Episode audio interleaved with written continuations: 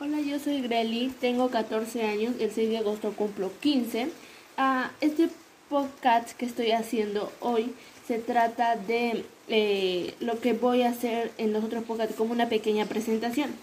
Eh, en algún inicio yo tenía como un sueño de ser youtuber, pero me di cuenta que o sea, no tengo los materiales suficientes, así que eh, preferí unirme al podcast, que tampoco no tengo muchos materiales, pero para mí se me hace muchísimo fácil. Eh, tal vez más adelante me gustaría así cumplir mi sueño, pero por ahora quiero eh, seguir con este método que es el podcast.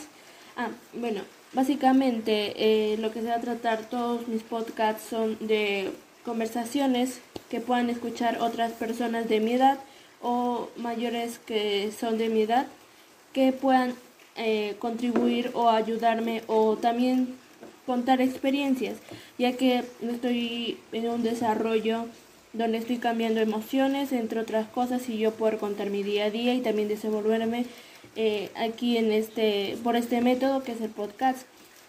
Eh, también quiero mejorar bueno, cuando quiero hablar, porque si pueden notar ahora no tengo una voz, eh, estoy un poco nerviosa para así decirlo y tampoco tengo como algo, palabras correctas con las que tengo de hablar. Entonces puedo y creo que puedo ir mejorando poco a poco haciendo esto y también el podcast pues claro ayuda un poco a que te puedas desenvolver. Bueno, este ha sido una presentación, eh, podríamos llamarle el primer podcast, eh, que básicamente está durando entre dos minutos, tres.